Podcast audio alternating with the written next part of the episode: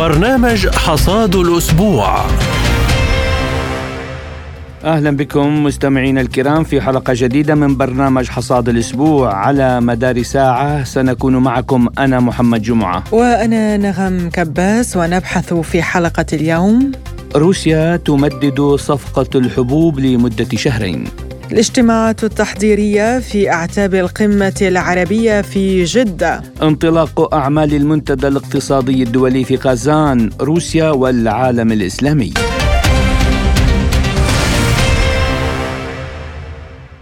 نبدأ التفاصيل بالشأن الأوكراني حيث قال نائب وزير الخارجية الروسي ميخائيل بغدانوف في تصريح خاص لسبوتنيك إنه لا توجد لدى موسكو تفاصيل حتى الآن بشأن مبادرة زعماء الدول الأفريقية للوساطة في الأزمة الأوكرانية لذلك من الصعب التحدث عنها في الوقت الحالي. بدورها أكدت المتحدثة باسم وزارة الخارجية الروسية ماريا زخارفا أن موسكو قد مددت مبادرة حبوب البحر الأسود لمدة شهرين إضافيين. نؤكد إعلان الرئيس التركي تمديد مبادرة البحر الأسود لمدة شهرين مما يوفر فرصة ليس بالأقوال بل بالأفعال للمساعدة في ضمان الأمن الغذائي العالمي أولا وقبل كل شيء ولمساعدة البلدان الأكثر حاجة. في الوقت نفسه لم تتغير تقييماتنا الأساسية لاتفاقية إسطنبول لعام 2022 ويجب تصحيح التشوهات في التنفيذ في أسرع وقت ممكن.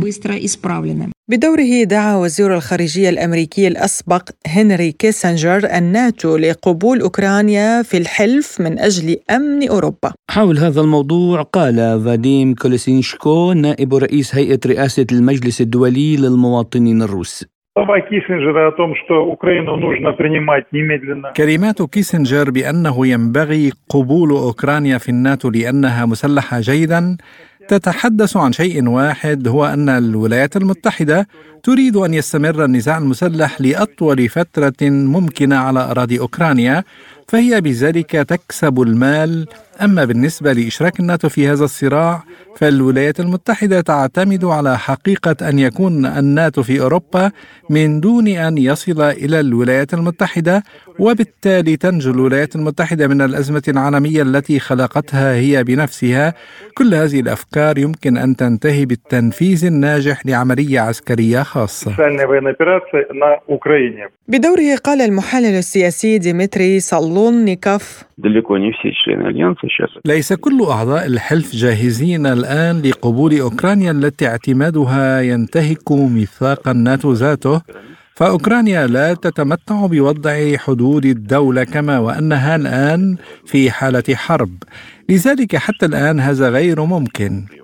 على الأرجح لن توافق معظم الدول على قبولها في الوقت الحالي لكن الكثير ممن يتحدثون عن مثل هذا الاحتمال ليس فقط كيسنجر فهذه خطة استراتيجية يتم النظر فيها. وللحديث عن مستجدات الملف الأوكراني ينضم إلينا عبر الهاتف المحلل السياسي مهند حافظ أوغلو. أهلا بك أستاذ مهند في برنامج حصاد الأسبوع. أهلا وسهلا بكم وبالمستمعين. يعني نبدأ من تمديد صفقة الحبوب موسكو توافق على تمديدها لمدة شهرين. آه، لماذا يعني تسعى جميع الدول وبكل ثقلها أن تمدد هذه الصفقة؟ من أين تأتي أهميتها؟ وهل تعتبر أنه يمكن هذه المرة مراعاة مصالح روسيا بتصدير أيضا هي حبوبها وأسمدتها؟ لا شك أن ملف الحبوب وتصدير الحبوب آه، شأن عالمي ويحتاجه آه، كل بيت آه، في كافة ارجاء المعموره، الأمر يتعلق بالغذاء المباشر ولكن هناك مصالح سياسية تندرج ضمن هذه الاحتياجات الغذائية، يعني على سبيل المثال هناك احتياجات أوروبية بالرغم من هذا العداء الذي تعلنه ضد روسيا إلا أنهم بحاجة بالفعل لهذه الخطوات على الأقل. أن هناك دولة تسمى تركيا تقوم بفعل الموازن الدولي. وهنا مربط الفرس إن صح التعبير يعني تركيا اليوم يمكن أن تضمن استمرار هذه الصفقة بشكل ناجح؟ آه، صحيح استطاعت تركيا حتى هذه اللحظة أن آه، تنجح بخلال علاقات تركيا وروسيا الشراكة الاستراتيجية التي بينهما فضلا عن العلاقات الخاصة ما بين كلا الرئيسين ولكن آه، على الغرب بشكل أساسي والولايات المتحدة الأمريكية بشكل خاص أن لا تستند بالمطلق إلى أن تركيا سوف تبقى دائما هي من آه، تضبط الأمور وسوف تستطيع إقناع روسيا بتمديد هذه الحبوب، هناك حد معين وهناك رؤية معينة سواء لتركيا أو لروسيا، وبالتالي اعتمادهم على تركيا في هذه النقطة بشكل مستمر سياسيا هذا غير صحيح، عليها أن تراجع سياستها الولايات المتحدة الأمريكية وأن تفتح المجال للمنتجات الروسية من جهة وأن تذهب نحو حقيقة العمل السياسي الخارجي وهو وصول آه، المفاوضات إلى بداية الطريق لكي تتوقف هذه العمليات العسكرية الروسية في أوكرانيا. وإلا الأمر مع مستقبل الأيام سوف يطول ولن تتنازل روسيا. يعني إذا كانت الولايات المتحدة الأمريكية ومن خلفها الدول الأوروبية تظن أن روسيا سوف تخضع لهذه العقوبات وأنها سوف مع طول الزمن سوف تضعف على العكس صحيح. كلما طالت المدة كلما قويت روسيا. نعم أستاذ مهند يعني سمعنا أخيرا الولايات المتحدة منعت الأوكرانيين من التدريب على طائرات إف 16 برأيك أستاذ ما وراء هذا الموقف؟ يعني بالفعل هناك تحركات جديدة في هذا الملف آه، بالرغم من أن آه، الدعم الكامل الأمريكي لأوكرانيا آه، ولكن هذا الإيقاف للتدريب.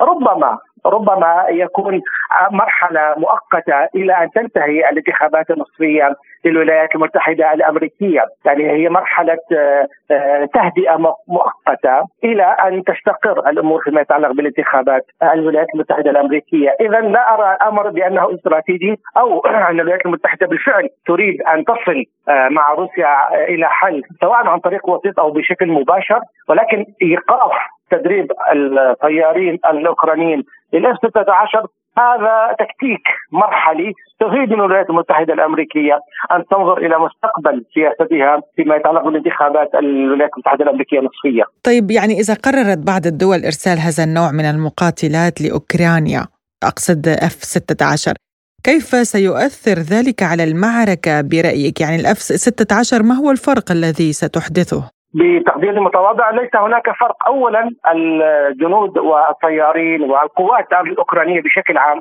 ليست قوات مؤهلة لأن آه، تقوم بخوض عمليات قتالية حقيقية. وكل ما يجري على الأرض من استخدام لأسلحة ثقيلة نوعية ليست ليس للأوكرانيين فيها يد بل هناك قوات أوروبية وأمريكية ومدربين آه، وقوات غربيين يقومون بهذه العمليات. لذلك هذا لن يؤثر بشكل حقيقي. فضلا عن الاف 16 ليست بذلك السلاح الفتاك مقابل الطيران الروسي السوخوي. يعني هناك تفوق روسي آه، فيما يتعلق بالجو. هذا رايناه واضحا في عدة دول. أستاذ بالنسبة إنشاء سجل للأضرار التي لحقت بأوكرانيا خلال الصراع في قمة مجلس أوروبا. أذربيجان وأرمينيا والبوسنة والهرسك والمجر وصربيا وتركيا كلها رفضت التوقيع على هذا الإعلان. يعني برأيك كيف ينوي الغرب الآن للحصول على موافقة هذه الدول؟ هل سيبدأ بفرض العقوبات عليها كما هو معروف دائما؟ آه هذا السبيل آه ربما لن يجد نفع في هذه المرحلة، ربما سوف يعيد إشعال الموقف ما بين كل من أرمينيا وأذربيجان وبالتالي سوف تكون تركيا حاضرة في هذا الصف وسوف تنشغل أيضا روسيا باشتعال المواقف وسوف تشتغل روسيا بإشعال المواقف ما بين آه، يريفان وباكو، ربما سوف تحاول الولايات المتحدة الأمريكية آه، أو الغرب عموما أن يتخذ هذا الخط سبيلا جديدا لأنهم يدركون أن العقوبات لا تجدي نفعا ولن ترضخ هذه الدول لتلك العقوبات. وإن وقعت العقوبات سوف تكون شكلية ليست محدودية الأثر. هي تريد أن آه، تزعج تلك المناطق وتلك البقعة الجغرافية من خلال إشعال فتيل ما بين هذه الدول هي تريد بطريقة غير مباشرة أن تضرب صمام الامان أو طريق العلاقات لنقل ما بين آه، أنقرة وموسكو بشكل أساسي من خلال باكو وريفان هذا واضح. هناك خطة آه، معدة ونلمس هواجسها سواء من هذا الاعلان أو من طرق أخرى. يعني راينا في الأيام والأسابيع الأخيرة أن هناك إعادة وظهور إلى الساحة من جديد الملف الأرميني آه الأذربيجاني، لماذا الآن؟ هناك اذا ما هو معد ويخطط له. نعم أستاذ أيضا هناك حلفاء لأوكرانيا يخشون أن الدعم العسكري سيصل قريبا إلى الحد الأقصى وخاصة من قبل الدول الأوروبية. كيف ستستمر أوكرانيا بالقتال في هذه الحالة يعني بدون الدعم العسكري الأوروبي والناتوي؟ آه يعني أوكرانيا في حيث ضيف يعني الأمر آه، حملت امرا أثقل منها وأكبر منها. ما هي إلا ذريعة ووضعت في واجهة المدفع، الأمر أكبر من أوكرانيا وهي اليوم بالفعل تدفع ثمن هذه السياسات الأمريكية والأوروبية بشكل أساسي، يعني سنوات طويلة وأوكرانيا ملتزمة للحياد والأمور على خير ما يرام، ولكن ما الذي جرى؟ ما الذي تعدى؟ هذا أمر غير مفهوم، المفهوم أن هناك مصالح غربية حقيقية تريد أن تتخذ من أوكرانيا ذريعة للوصول إلى تقويض روسيا كونها القطب الثاني الثاني تسعى الولايات المتحدة الأمريكية أن تبقى هي آه، قطبا اوحدا وحيدا في العالم آه، السياسي والعسكري ولكن هذا لا يمكن أن يكون. عن نتحدث عن روسيا. يعني لا نتحدث نحن عن آه، جمهورية الموز نحن نتحدث عن دولة لها تاريخ عريق ولها قوة حاضرة في كل المستويات ولها حلفاء ولها شركاء لن يتخلوا عنها ولن يتركوها. وبالتالي أوكرانيا هي من تدفع ثمن مع اليوم لدينا مبادرة صينية أستاذ وأخرى إفريقية. في أوكرانيا استبعدوا تسوية الصراع دون مشاركة الصين. برأيك ما سبب هذا الموقف المفاجئ من كيف؟ آه، طبعا لأن تدرك أن الصين آه، آه، يعني بالرغم من أنها لم تعلن دعمها الكامل العسكري وأن تنخرط في العمليات العسكرية مع روسيا ولكن يدركون تماما أن هناك بالفعل قد أصبح لدينا معسكرين دوليين، معسكر شرقي يتضمن روسيا، إيران، الصين بالإضافة إلى باكستان من بعيد وإلى معسكر غربي. المتحده الامريكيه، بالتالي هناك قلق حقيقي من أن الصين لها ثقلها وإذا ما ذهب اتجاه معين فإن ذلك سوف ينعكس على عمليات على الواقع على الأرض الأوكرانية. وبالتالي لا مصلحة لأن تكون لهم طبعا لا مصلحة لهم أن تكون آه، الصين. يعني زيلينسكي يحاول الموازنة بين الغرب والشرق في سياسته. يعني لا يضع جميع البيض في سلة واحدة السلة الأمريكية. لن يستطيع يعني زيلينسكي لا يملك من أمره شيء، زيلينسكي ليس برجل سياسي آه، وإنما يفعل أو يصرح بما آه، يؤمر، يعني ليست لديه قرار ليس لديه قرار سيادي أو استقلالية، فضلا عن ليس لديه خبرة سياسية، وضع واتي به آه، ليكون في واجهة هذه العمليات، محاولة الموازنة ما بين الصين وما بين العلاقات مع أوروبا، هذا أمر لن يفيد كثيرا لأن المستهدف هي روسيا بدل من الذهاب نحو الصين وإيران يمينا شمالا جنوبا نحو القارة الإفريقية وما إلى ذلك عليهم ان يذهبوا مباشرة إلى موسكو. الأستاذ مهند حافظ اوغلو المحلل السياسي كنت معنا ضيفا عزيزا في برنامج حصاد الأسبوع شكرا لكم. شكرا لك. شكرا.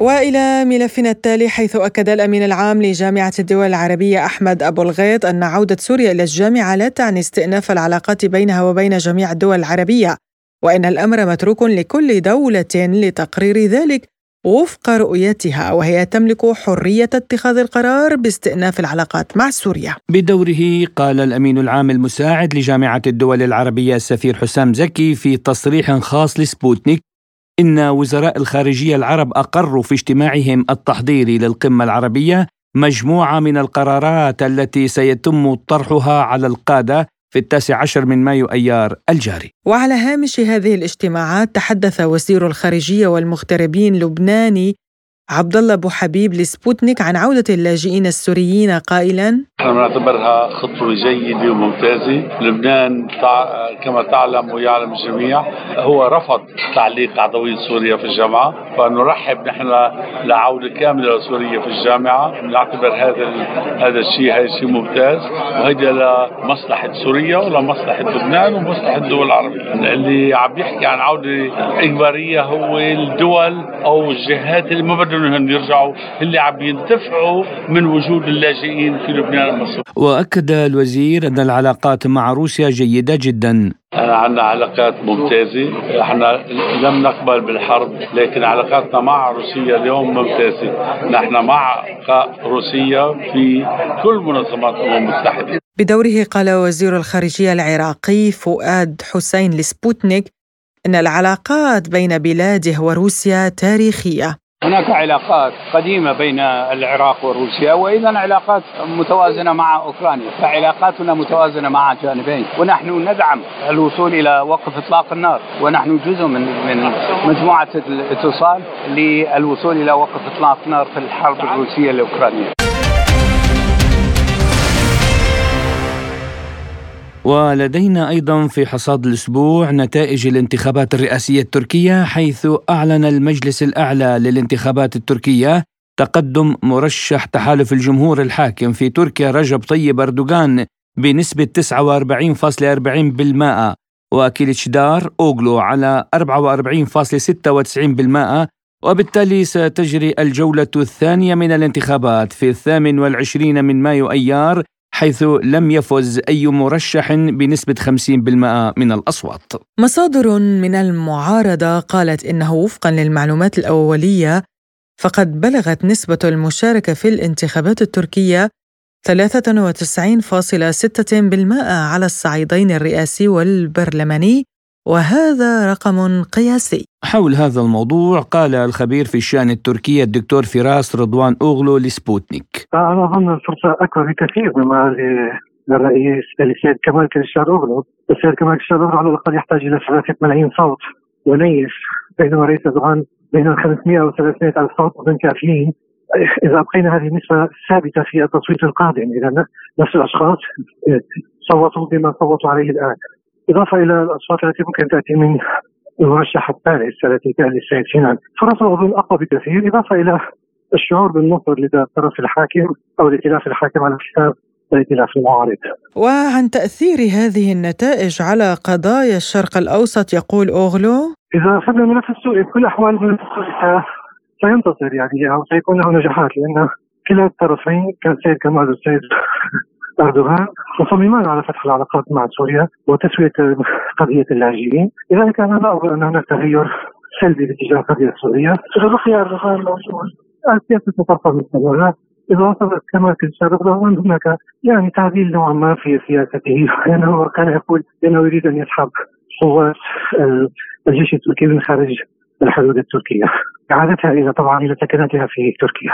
وعن نتائج فوز المعارضة على العلاقات بين أنقرة وموسكو. يقول أوغلو يعني ربما لن تكون بذلك الزخم الاستراتيجي لكن لن تكون يعني علاقات سيئة.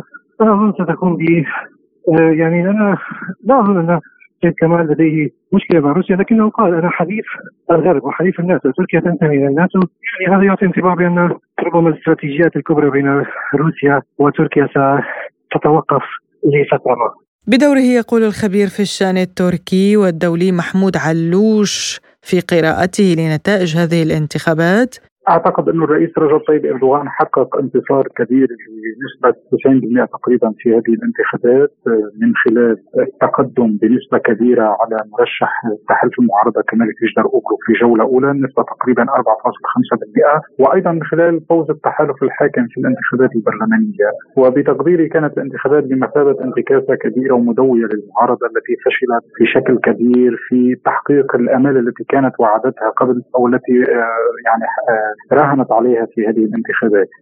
في جولة إعادة فرص الرئيس رجب طيب إردوغان تبدو أفضل بشكل أكبر مقارنة بكمال كريجدر أوغلو لعدة اعتبارات. معنويا الرئيس إردوغان سيخوض جولة الإعادة بوضع أفضل هو متقدم على كليجدر أوغلو بأربع نقاط ونصف. حزبه أو التحالف الحاكم فاز في الانتخابات البرلمانية. سيستطيع الرئيس إردوغان أن يستقطب الأصوات القومية الأصوات المترددة في جولة إعادة من أجل القول لها بأنه هو انتخابه سيعني عدم حصول في الصدام بين السلطة التشريعية والسلطة التنفيذية وسيؤدي إلى الاستقرار السياسي، هذا من جانب، من جانب آخر مشكلة سيواجه كمال فيجدر أوغلو في جولة إعادة مشكلة كبيرة وتكمن في كيفية الموازنة بين الحفاظ على تحالفه مع حزب الشعوب الديمقراطي الكردي وبين كيفية استقطاب الأصوات القومية لتحالف الآخر مرشح المعارضه الآخر سنان أوغان الذي حصل على تقريبا 5% من الأصوات. وهذا الأمر سيكون صعب جدا بالنسبة لكمال كليجدار أوغلو. لأنه جزء من الأصوات جزء كبير من الأصوات القومية. آه، إن لم تكن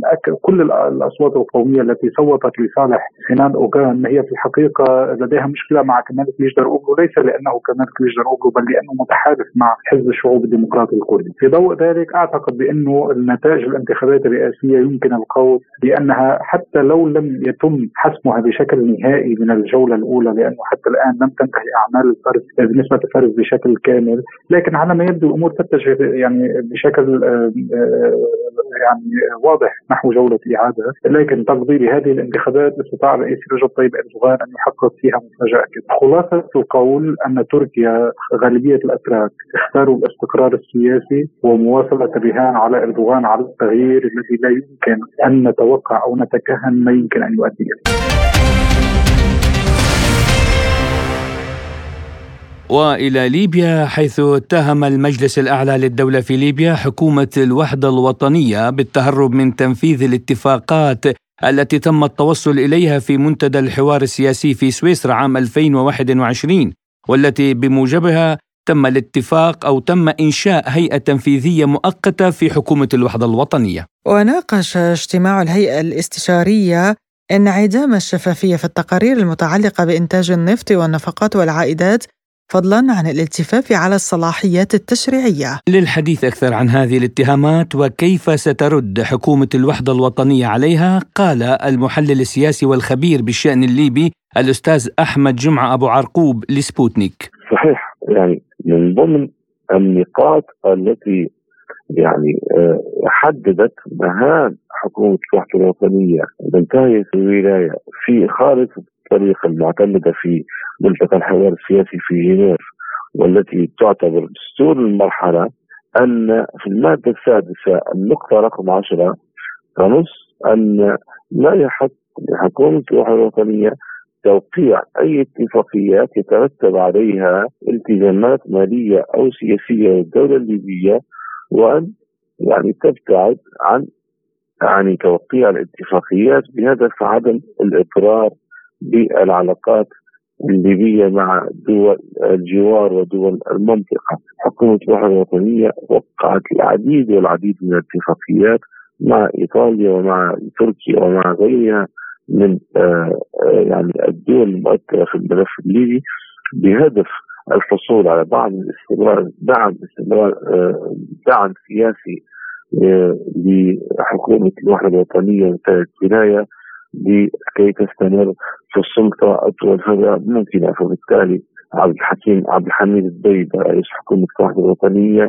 منتهى الولاية غير قادر على الرد حول اتهامات مجلس الدولة فيما يخص اتفاق توقيع اتفاقيات تورط الدولة الليبية وخارج إطار يعني دستور المرحلة وهو خارج الطريق وهو خارق خرق صريح وواضح لاتفاق يعني جنيف المتمثل في منطقة الحوار السياسي وخارج الطريق المنبثقة عنه. وعن وجود عوامل جديدة مزعزعة للاستقرار في ليبيا أضاف أبو عرقوب. نعم هناك عدة عوامل ويعني أسباب لعدم الاستقرار السياسي في ليبيا.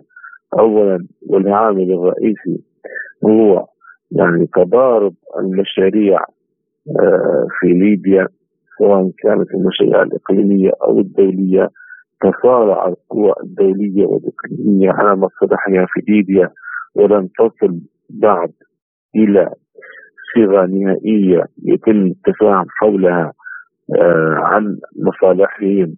ومن ثم تهيئة الظروف للاستقرار بتحقيق هذه المصالح. أيضا عدم نضوج مصالح الدول الإقليمية وخصوصا مصر وتركيا ما سبب في حالة عدم التوازن وحالة التنافس في ليبيا.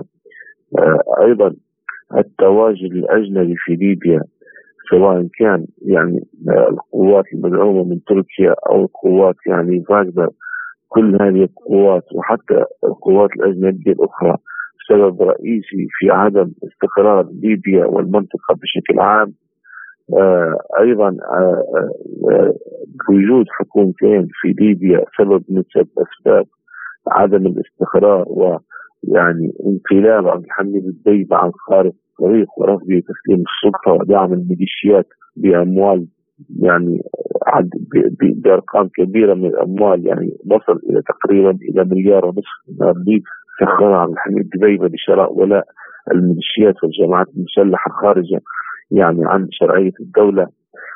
يعني أيضا آه، هشاشة وضعف الأجسام التشريعية وعدم قدرتها على آه، مجاراة الواقع من خلال آه، إصدار تشريعات فيما يخص المسار الدستوري والذهاب جديد للانتخابات. سبب رئيسي أيضا في عدم استقرار المشهد السياسي وأيضا الفساد المالي والإداري الذي تسبب في تضخم العملة الليبية وسبب في أزمة اقتصادية أزمة اقتصادية يعني على الصعيد القوة الشرائية للدينار الليبي. كل هذه العوامل يعني آه، أثرت في عدم استقرار سواء كان أمني أو اقتصادي أو سياسي في المشهد السياسي الليبي وفيما إذا كانت ليبيا ستصبح بؤرة توتر جديدة بعد السودان أضاف أبو عرقوب يقول ليبيا مرشحة مرشحة بأن تكون آه، بؤرة صراع جديدة بين القوى الدولية بعد السودان لأنها دولة غير مستقرة ودولة آه، يعني بها مشاكل واضطرابات سياسية وطموحات لدى الشخصيات السياسية الليبية بهذا يعني طموحات شخصية للأسف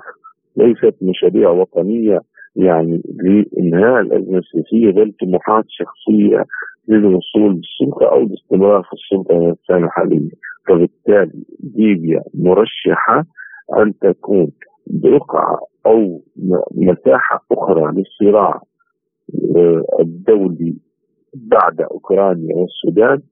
وهناك مؤشرات تقول بأن ربما تنتقل الحرب بوكالة آه، أيضا إلى ليبيا آه، خلال المدة القادمة. الولايات المتحدة وحلفائها في حلف الناتو أعتقد بأنهم يرون بأن الوقت مناسب جدا لإخراج فاغنر من ليبيا بعد المشاكل التي تواجه مجموعة فاغنر في في تركيا في آسف في أوكرانيا و آه، يعني الخسائر الكبيرة سواء كان من الجانب الأوكراني أو الجانب آه، الروسي وفاغنر قد تسهل أو تمهد الطريق للولايات المتحدة بتشجيع حلفائها في الداخل الليبي لشن آه، يعني هجوم على مراكز تمركز يعني آه، قوات ولكن المؤسف و آه، يعني ماذا ترغب في حدوث القوة الوطنية في ليبيا بأن يتم المفاضلة بين القوات الأجنبية الموجودة في ليبيا بمعنى أن تغض الطرف الولايات المتحده عن التواجد التركي باعتبارها باعتبار أن تركيا جزء من منظومة الناتو وأن تصعد ضد تواجد فاغنر وهذا ما سيسبب أزمة كبيرة وكبيرة للمجتمع الليبي اولا والإقليم المتوسط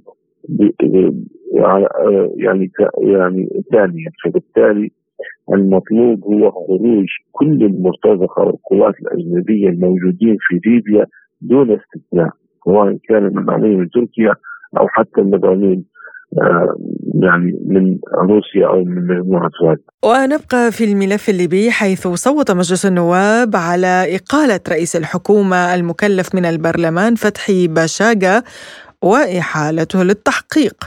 بدوره انتقد المجلس الأعلى الإجراءات الأحادية من قبل مجلس النواب للحديث أكثر عن الأسباب الفعلية التي تقف وراء قرار الإيقاف قال الخبير في الشأن الليبي الدكتور محمود الرملي.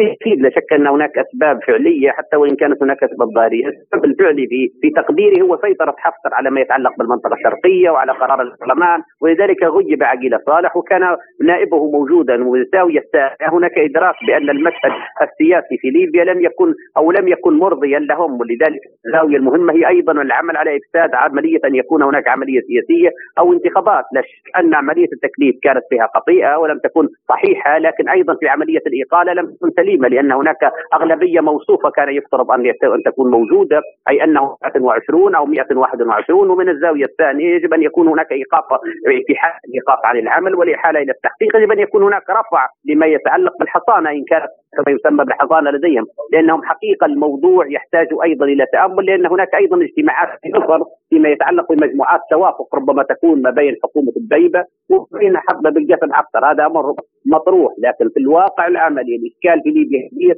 ولا يمكن أن يحل من خلال إقالات أفراد مهما كانت وكيف كانت الإشكال والحقبة بين المنطقة الشرقية والمنطقة الغربية ليست ما بين المناطق بقدر هي ما بين الأفراد. أي ما بين حفتر المتشبث في عملية السيطرة العسكرية واستمرارية افساد السلطة من خلال وجود انتخابات أو انتخابات العسكريين أو من الزاوية الثانية مزدوجي الجنسيه وأيضا الذين هم محكومون بأحكام سابقة كما هو الحال في سيف القذافي. من الزاوية الفعلية أيضا لزامنا القول بالتدخلات السلبية. الولايات المتحدة الأمريكية على شد ما يتعلق بعمليات التدخل وأيضا فيما يتعلق بفرنسا وكذلك بعض الدول المتدخلة سلبيا في المشهد السياسي الليبي وكل يحاول قدر الإمكان البحث عن مصلحته دون مصلحة الليبيين التي لم يرى لم ترى النور إلى الآن. البحث عن المصلحة الليبية يكمن في الليبيين دون غيرهم فما حك جلدك مثل ظفرك عندما يتم التوجه من المتغيرات الدولية الأخرى والمتمثلة أيضا في متغيرات السودان وما بها من احداث خاصة في ظل القتال المستعر والحقيقة الرمال المتحركة ليبيا بعيدة هناك أكثر من 381 كيلو متر الحدود المشتركة وهناك وقود ربما يهرب بطريقة أو بأخرى. إلى مجموعات الجنجويد وهم متواجدون أصلا مع حفتر وقاتلوا ويقاتلون معه. وأيضا هناك إشكاليات عميقة أيضا فيما يتعلق باستمرارية نفس المشهد أو تغير نفس المشهد.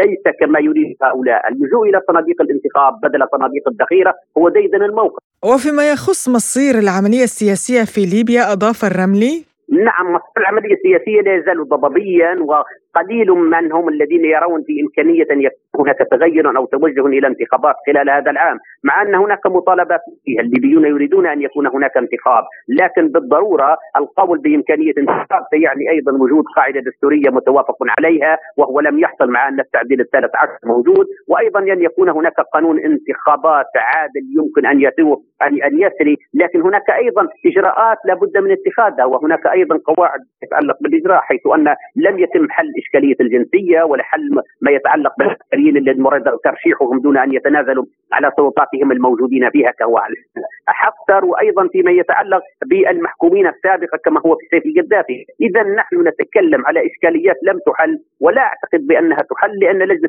زي ستة لا تملك صلاحيه في حلها وليست لديها إمكانية في ذلك، اذا سنراوح في نفس المكان فهي لجان تكرر ذاتها وتكرر نفسها دون أن تتجه إلى الحل فتكون نوعا من العمل اجرائي من زاوية ثانية المجتمع الدولي المتدخل في الشأن الليبي تدخل سلبيا لا يريد حل المشكل بل يريد إدارتها، من الزاوية الثالثة السيد عبد الله بتالي حقيقة كان ولا يزال ضعيفا. نتمنى أن يكون أكثر لأنه أعلن عن تشكيل لجنة رفيعة المستوى لكن لم ترى النور إلى الآن ولم يتم تسمية أعضائها إلى الآن، أيضا الإشكاليات الداخلية التي تناثرت أيضا في كل قطاع ليبيا بما فيها مدينة الزاوية التي لم تشهد هدوءا منذ فتره ومن زاوية ثانية أيضا انتقال ما يتعلق بإشكاليات إلى الجنوب وأيضا محاولة قدر الإمكان القول بعملية تحريك هذه الرمال المتحركة في اتجاه تشاد ومالي والسودان ومصر وكل الدول، ليبيا تحتاج إلى هدوء والدول الأخرى تحتاج إلى مصلحه إيطاليا ليست بعيده لكن لا تخفى ما تريده من الليبيين. وفيما إذا كانت الأحداث في ليبيا مرتبطة بما يجري في السودان قال الرملي بكل تأكيد لا شك هناك تأثير وتاثر هناك مجموعات تقاتل فيما يتعلق بليبيا وموجودة في أصلا من السودان. الجنجويد هذه مجموعات موجودة قاتلت وتقاتل موجودة بشكل أيضا إمكانية انتقال السلاح ومحاولة الاستقواء ومحاولة استخدامها هناك دوافع ربما تبعث إلى إمكانية أن يكون هناك قلاقل في ليبيا كما هي حاليا موجودة بالسودان.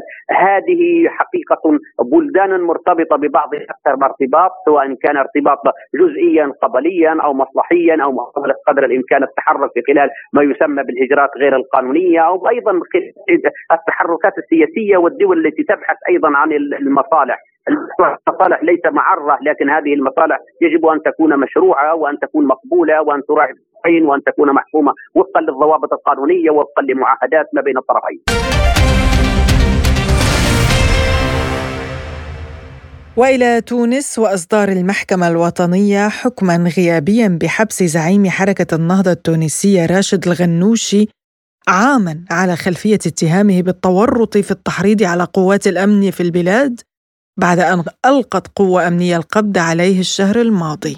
حول هذا الموضوع قال المحامي حازم القصوري لسبوتنيك حقيقة يعني صدور هذا الحكم قبل كل شيء يعني عدم حضوره يعني هو إنكار للعدالة إنكار للقانون وهذا غير سليم. وبالتالي التمشي الذي أخذه هو تمشي غالط وليس في طريقه باعتبار يأكد يعني توجهاتهم الإخوانية باعتبار أن لا يعترفون بالدولة وبقوانينها. وهذا يعني سيكون له تبعات وخيمة إذا واصل يعني نفس هذا النهج في القضايا القادمة؟ هناك يعني عديد الملفات فتحت. نذكر ملف شكري بالعيد أو البراهمي أو تسفير. هناك ملفات عالقة بالنسبة للغنوشي. أنستالينجو يعني مذكور راشد الغنوشي في هذه الملفات من الوزن الثقيل. وثبوت يعني تورط هذا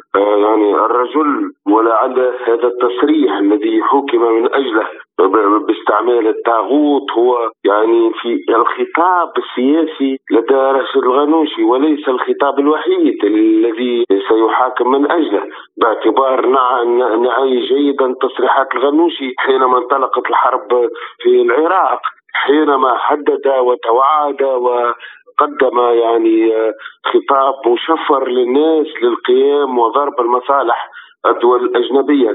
كذلك خطابه التشفير الذي طبع خطاب أن الجيش غير مضمون والأمن غير مضمون وهو يتحدث مع أحد الأطراف المتطرفة يعني في حوار خاص. كذلك أنه دافع على ملف إرهابي وهو خاصه المتورطين في ملف سليمان. كذلك أن من يحمي تونس وفجر ليبيا كلها تصريحات تصب في خانة الإرهابية والتآمر على أمن الدولة. ولعل هذه المحاكمة هي ضربة البداية لتطبيق سيادة القانون بخصوص راشد الغنوشي الذي يعني كان يعني يتابعه يعني القضاء التونسي منذ السنة 81 يعني حكم وسجن ثم حكم عليه بالإعدام وتمكن من الخروج وفر إلى بريطانيا. بالتالي هو دائما يعول على الأطراف الأجنبية لتنقذه. لكن لا أعتقد أن اليوم راشد الغنوشي أو الحركة على ما هي عليه وأمام الواقع السياسي والواقع الإقليمي الذي تمر به يعني المنطقة وكما العالم قادر بتحريك الشارع. اليوم الحاضنة الشعبية يعني غير حاضنته قد خسرها وكانت خسارته منذ أن وقع إزالته من البرلمان حينما تنادى وكان الخطاب يعني خطاب الجندي حينما قال له افتح يعني الباب قال له نحن ندافع على حماية الوطن. السلطات التونسية الدولة التونسية لا تخاف أحدا. أمام سيادة القانون لا تخاف أحدا. هنالك قانون يجب أن يطبق بحذافيره. وهذا كان الموقف الرسمي للدولة التونسية حينما أراد بعض الأطراف الأجنبيين التدخل في الشأن التونسي بخصوص يعني المحاكمات وإلباسها يعني بالطابع السياسي. والحال أنه غير سليم. هناك قوانين تونسية تنطبق على جرائم بعينها وضد أشخاص سواء اتخذوا من الإرهاب وسيلة أو من التآمر طريقا. وبالتالي آه، هناك قضاء يحسم في هذه المسائل. الدولة التونسية تخشى عدم آه، يعني إفلات آه، الجنات من العقوبة تحت ذرائع حقوق الإنسان ومسميات أخرى. وبالتالي اليوم يعني ندعو الجميع إلى الكف عن إرسال بيانات و وعيد وتهديدات وشعارات حقوق الإنسان والحال أن كما في دولهم يحترمون عدالتهم يجب عليهم أن يحترموا عدالة الآخرين. وبالتالي في إطار وخاصة وان تونس تخوض حرب حقيقية بخصوص الإرهاب وبخصوص الفساد. وهذا أراه أنه يتنزل في المجهود الدولي لضرب ثغور الإرهاب كما الفساد دون أن ننسى أن يعني هؤلاء تورطوا في الإرهابية منذ يعني 78 يعني نحن نذكر حرب أفغانستان ودورهم في يعني إرسال المقاتلين إلى هناك في إطار الصراع الدائر بين الولايات المتحدة الأمريكية وروسيا. وحول رد فعل الإخوان أضاف القصوري يعني أريد ردود الإخوان، الإخوان قبل كل شيء حركة النهضة يعني أصبحت نهضة شتات، شتتت. القوة يعني مواطن القوة هي لدى الغنوشي والغنوشي اليوم هو يعني في غير بالسجون. وبالتالي أي ارتداد وأي يعني تحرك عنيف ضد الدولة والنظام سيواجه ب يعني بحزم وبقوة. وهذا ما افصح عليه الرئيس منذ أن أزاح الغنوش. أي يعني رصاصة ستطلق سيواجه بوابل من الرصاصات. هذا يعني حاسم المسألة في تونس. يعني الرئيس يعني يستند إلى إرادة شعبية ويستند إلى مبدأ سيادة القانون مع احترامنا للضمانات القانونية اللازمة لأي طرف. لا أعتقد سيدتي صدور حكم وتطبيق مبدأ سيادة القانون في دولة ما هو سينسف دولة أو نظام بالعكس يعني شيء محمود أن الناس تحتكم إلى القانون وصدر حكم قضائي أكيد السلطة القضائية تتمتع يعني حينما كانوا في السلطة يعني كانوا يتشدقون بأن عنده حاجة يهزها القضاء. اليوم كل الملفات أمام يعني تعهد بها القضاء كجهة محايدة للحسم في هذه الملفات. وبالتالي لا أعتقد أن هذا الشيء سيؤثر سواء سلبا على تطبيق سيادة القانون. إذا احتكمنا للقانون سينفذ القانون. هناك يعني قوانين كل دولة لها قانونها وناموسها. وأي يعني انحراف بهذا سيطبق عليه القانون. ونذكر عن عديد الأشخاص الذين أفصحوا على ملابسات ملفات التآمر أو ملفات إرهابية. يعني طبق عليهم كذلك القانون لأن في إطار سرية التحقيقات.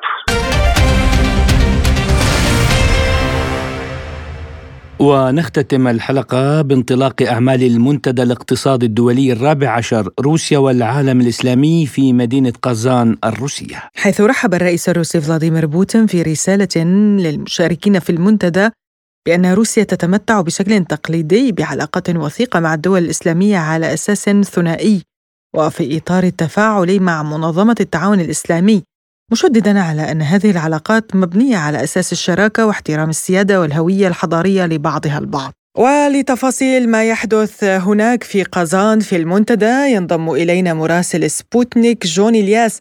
أهلا بك جوني في برنامج حصاد الأسبوع يعني وحبذا لو تطلعنا عن المستجدات هناك ما هي الأجواء لديك في كازان أهلا وسهلا فيكم منتدى قازان بهذا العام آه، يشهد حدث استثنائي وهو مشاركة أكثر من 15 ألف مشارك من 85 دولة وهو ما وصف بأنه رقم قياسي من الضيوف بتاريخ المنتدى. أكثر من هدول ال 15 ألف مشارك آه، بيمثلوا 85 دولة و84 آه، كيان من الكيانات مكونة الاتحاد الروسي ومن خلال لقاءاتنا مع عدد من المشاركين آه، مثل السفير السوري آه، بشار الجعفري في آه، سفير سوريا بشار الجعفري في روسيا تحدث على أن هذا هذا المؤتمر المنتدى هو نافذه مهمه لروسيا باتجاه العالم الإسلامي كذلك الأمر نافذه مهمه للعالم الإسلامي باتجاه روسيا لأن يعني الفائدة متبادلة والمصلحه متبادلة. كمان كنا حظينا بلقاء مع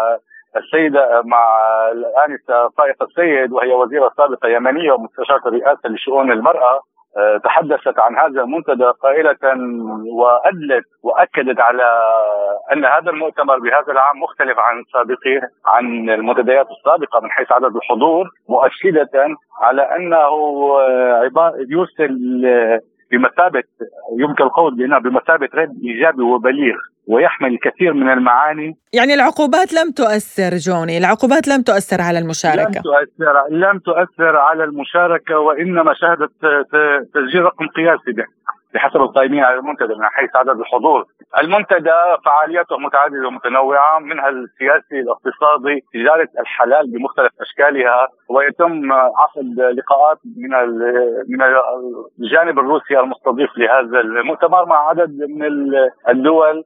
المشاركة في فعاليات هذا المنتدى. وبالنسبة لجلسات الاستماع البرلمانية الدولية هناك يقال أيضا أنه جرت جلسات مكثفة بهذا الخصوص كالتعاون الدولي الابتكار إلى آخره. نعم عقد عقد عدد عقدت عدد من الجلسات البرلمانية لبحث بعض الأمور التي تتعلق كما ذكرنا سابقا حول التجارة وبخاصة تجارة الحلال التي تعتبر التي تعتبر معروفة ومشهورة في الدول العربية وتطمح روسيا وكما دخلتها سابقا وتطمح للدخول بشكل أكبر في الأسواق العربية. الأمر الذي شجع عدد من الدول العربية طرح بعض طرح بعض الأسئلة حول إمكانية دخول في فروع جديدة وكما لاحظنا اليوم كان هناك ممثلة عن سلطنة عمان وهي ممثلة عن سلطنة عمان التي تحدثت ممثلة عن غرفة الصناعه والتجارة بالسلطنة تحدثت خلال كلمتها كلمة ألقاها عن عن إمكانية أو طلبت إمكانية وجود خط آه، كما يقال آه، رحلات مباشرة بين روسيا وعمان والسلطنة نعم شكرا لك جوني شكرا لك على هذه التفاصيل.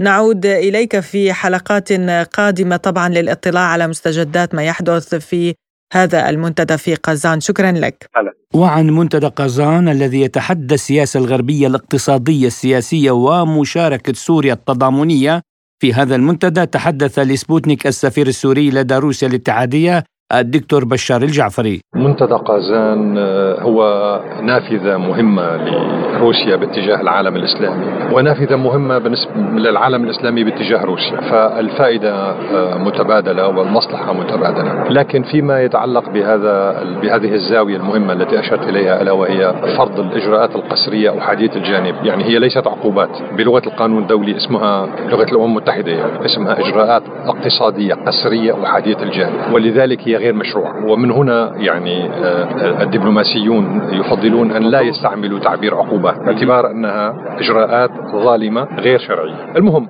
أن هذه الإجراءات الغربية طبعا أساسا غربية يعني أمريكية أوروبية ومن يدور في في فلكهما هذه الإجراءات آه، ذات آه، منشأ وخلفية سياسية. صحيح اسمها اقتصادية لكنها دوافع لكن دوافعها سياسية بشكل رئيسي. القصد منها هو الضغط باتجاه التأثير على الموقف السياسي الروسي لتقديم تنازلات لمصلحة الغرب. هذه القصة طبعا أضحت معروفة لأن لأن سوريا مثلا تعاني من نفس القصة القصد هو الضغط على الحكومة السورية لتقديم تنازلات سياسية في عدة ملفات كما تعرف. آه، من هنا نحن نقول بأننا في سوريا ندرك أكثر من غيرنا ربما. هذه القصة قصة الإجراءات القسرية الاقتصادية الغربية وحديث الجانب التي تفرض على روسيا. هذا المؤتمر مؤتمر قازان معرض قازان للتعاون الاقتصادي بين روسيا والعالم الإسلامي. من, من هنا تأتي اهميته من هذا المنظار باعتبار أنه يتحدى هذه السياسة الغربية الاقتصادية السياسية ويطرح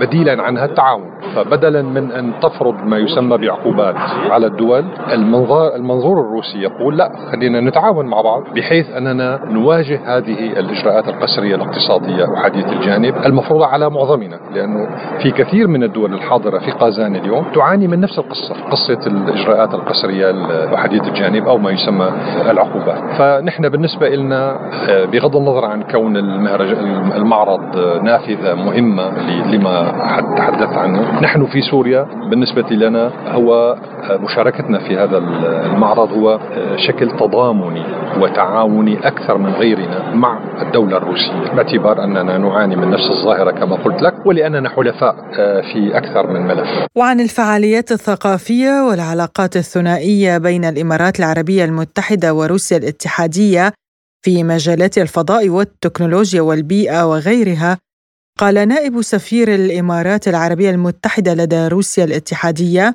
حمد راشد الحبسي لسبوتنيك طبعا علاقتنا مع روسيا الاتحادية في تطور لاصق آه وخاصة مع تترستان آه وفد دولة الإمارات دائما يكون وفد كبير وعالي المستوى وفي كل المجالات. آه أريد أن آه أنوه أن التبادل التجاري حسب المصادر الإماراتية هو 10 مليار والنمو 95% حسب مصادرنا نحن. فهذا يعني بلا شك يعكس العلاقات الاستراتيجية بين دولة الإمارات العربية المتحدة وروسيا الاتحادية علاقاتنا سابقا استثنائية وتاريخية ولكن الآن نشهد مجالات جديدة من التعاون غير التقليدية يعني هناك مجالات في التكنولوجيا والفضاء والبيئه والذكاء الاصطناعي وفي النقل وفي مجالات عديدة.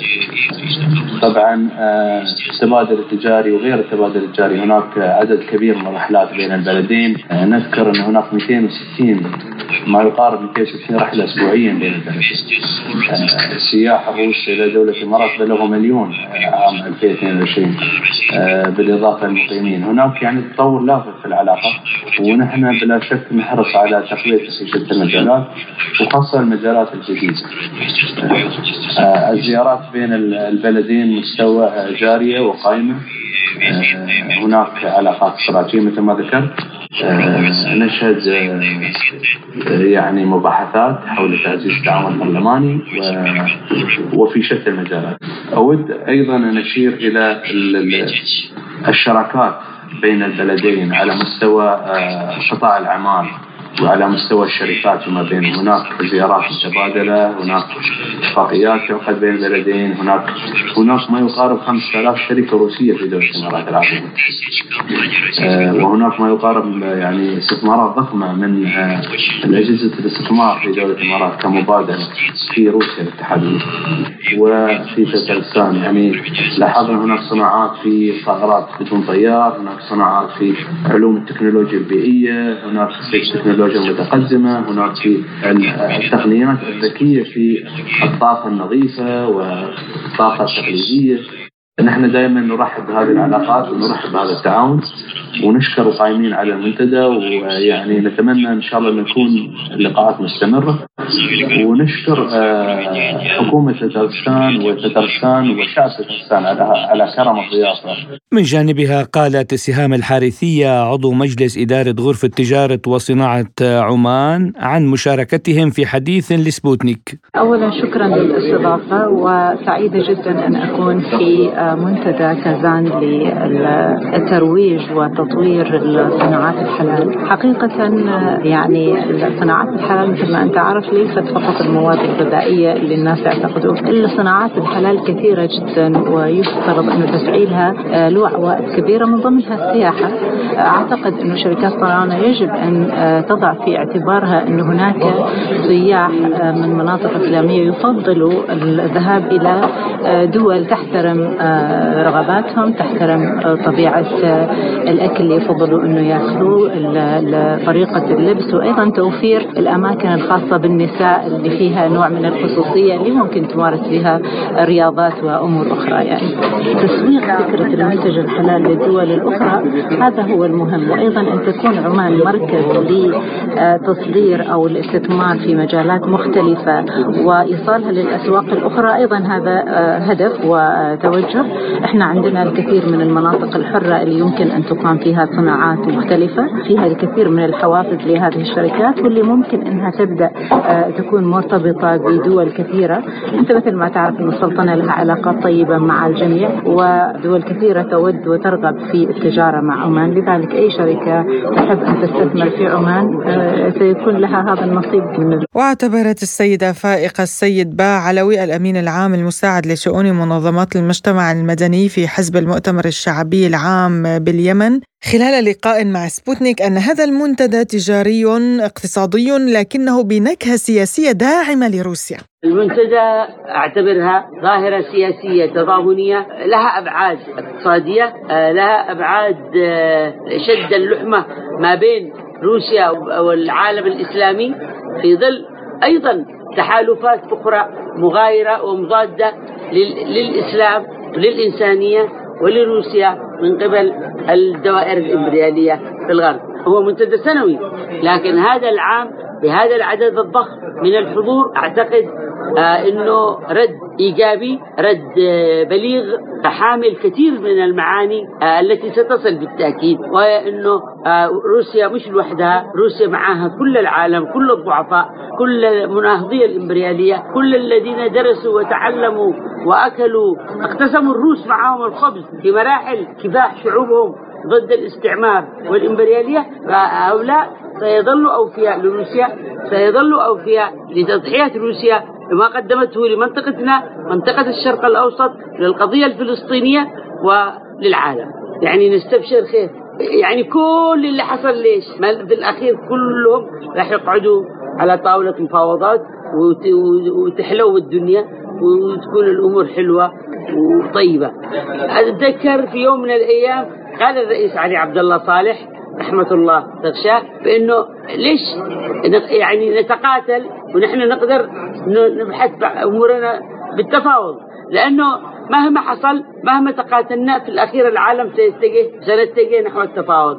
وهذا اللي حاصل الآن في سوريا ممكن يحصل أيضا ويتطور في في ليبيا وفي أماكن أخرى وإن شاء الله يحصل في بلادنا. آه تتطور المساعي الروسية الإيرانية الصينية في خلق حالة من التوافق والهدوء والأمن لمنطقة الجزيرة والخليج لنا وللسعودية ولشعوب المنطقة. بدوره قال الرئيس التنفيذي لمنصة أونلاين لتعليم اللغات طارق نور الدين لسبوتنيك. ودي منصة أونلاين لتعليم اللغات والإنجليزي أونلاين للطلاب والخارجين درسنا أكثر من 35 ألف دارس. عندنا طلاب من أكثر من 30 دولة أونلاين. وبنشتغل mainly في مصر والدول العربية والخليج. تم اختيارنا للمشاركة وإحنا ال startup المصرية الوحيدة السنة دي موجودين.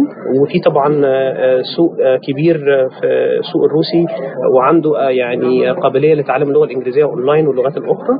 وشايفين إن هو سوق واعد جدا وفي فرص كتيرة. وإحنا مهتمين من خلال مشاركتنا هنا إن إحنا نقدر إن إحنا نتوسع جوه داخل السوق الروسي. وطبعا إحنا نقدر نحصل على استثمار من المستثمرين الروس إن هم يقدروا يساعدونا بالعلاقات طبعا وبالأموال وكل كل حاجة نحتاجها عشان نقدر ننجح في هذا التوسع. في الوقت الحالي لا لأن إحنا لسه ما بدأناش داخل روسيا ولكن طبعا أول ما نبدأ إحنا شايفين إن في تطور رهيب جدا في مجال ال IT في روسيا شايفين إن عندهم مراكز تكنولوجيا كتير جدا ومبرمجين على أعلى مستوى فطبعا هيتم الاستعانة بيهم في المرحلة دي يعني. وعما إذا كان الذكاء الاصطناعي يشكل تهديدا لعمل شركته أضاف نور الدين قائلا بالعكس هو بيسهل عملنا. هو بيهدد الأعمال الروتينية. لو حد بيعمل حاجة بيقدر الذكاء الاصطناعي إن هو يعمل هذا العمل هيبقى بيتهدده. ولكن لو حد بيعمل عمل إبداعي عمل هندسي عمل تعليمي تقني لا بالعكس الذكاء الاصطناعي بيساعد مش بيهدد. ويعقد هذا المنتدى خلال فترة من الثامن عشر إلى العشرين من أيار الجاري في معرض قازان إكسبو.